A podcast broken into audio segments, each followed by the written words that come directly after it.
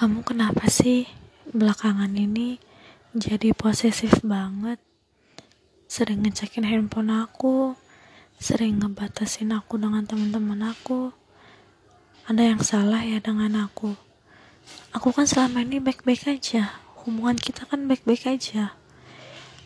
Kalau ada sesuatu yang menjanggal di hati dan pikiran kamu, bisalah kamu cerita ke aku. Gak perlu kamu sembunyi-sembunyi dengan curiga seperti itu. Bukannya menyelesaikan masalah tapi yang ada nambah masalah. Ingat kan gimana perjanjian dalam hubungan kita? Harus saling terbuka harus ada komunikasi. Dua arah bukan satu arah. Aku mau hubungan kita itu tetap positif. Kalau kamu kayak gini terus posesif ngekang aku.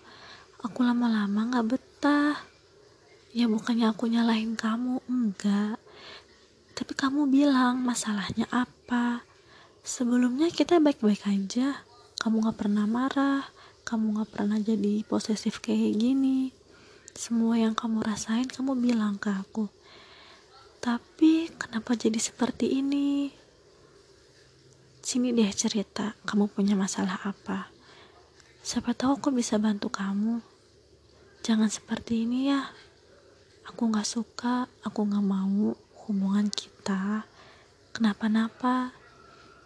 Aku itu mau sama kamu selamanya dengan hubungan yang baik ya walaupun di tengah-tengah jalan ada masalah setidaknya kan bisa diselesaikan dengan baik jangan kayak gini lagi ya diomongin baik-baik yuk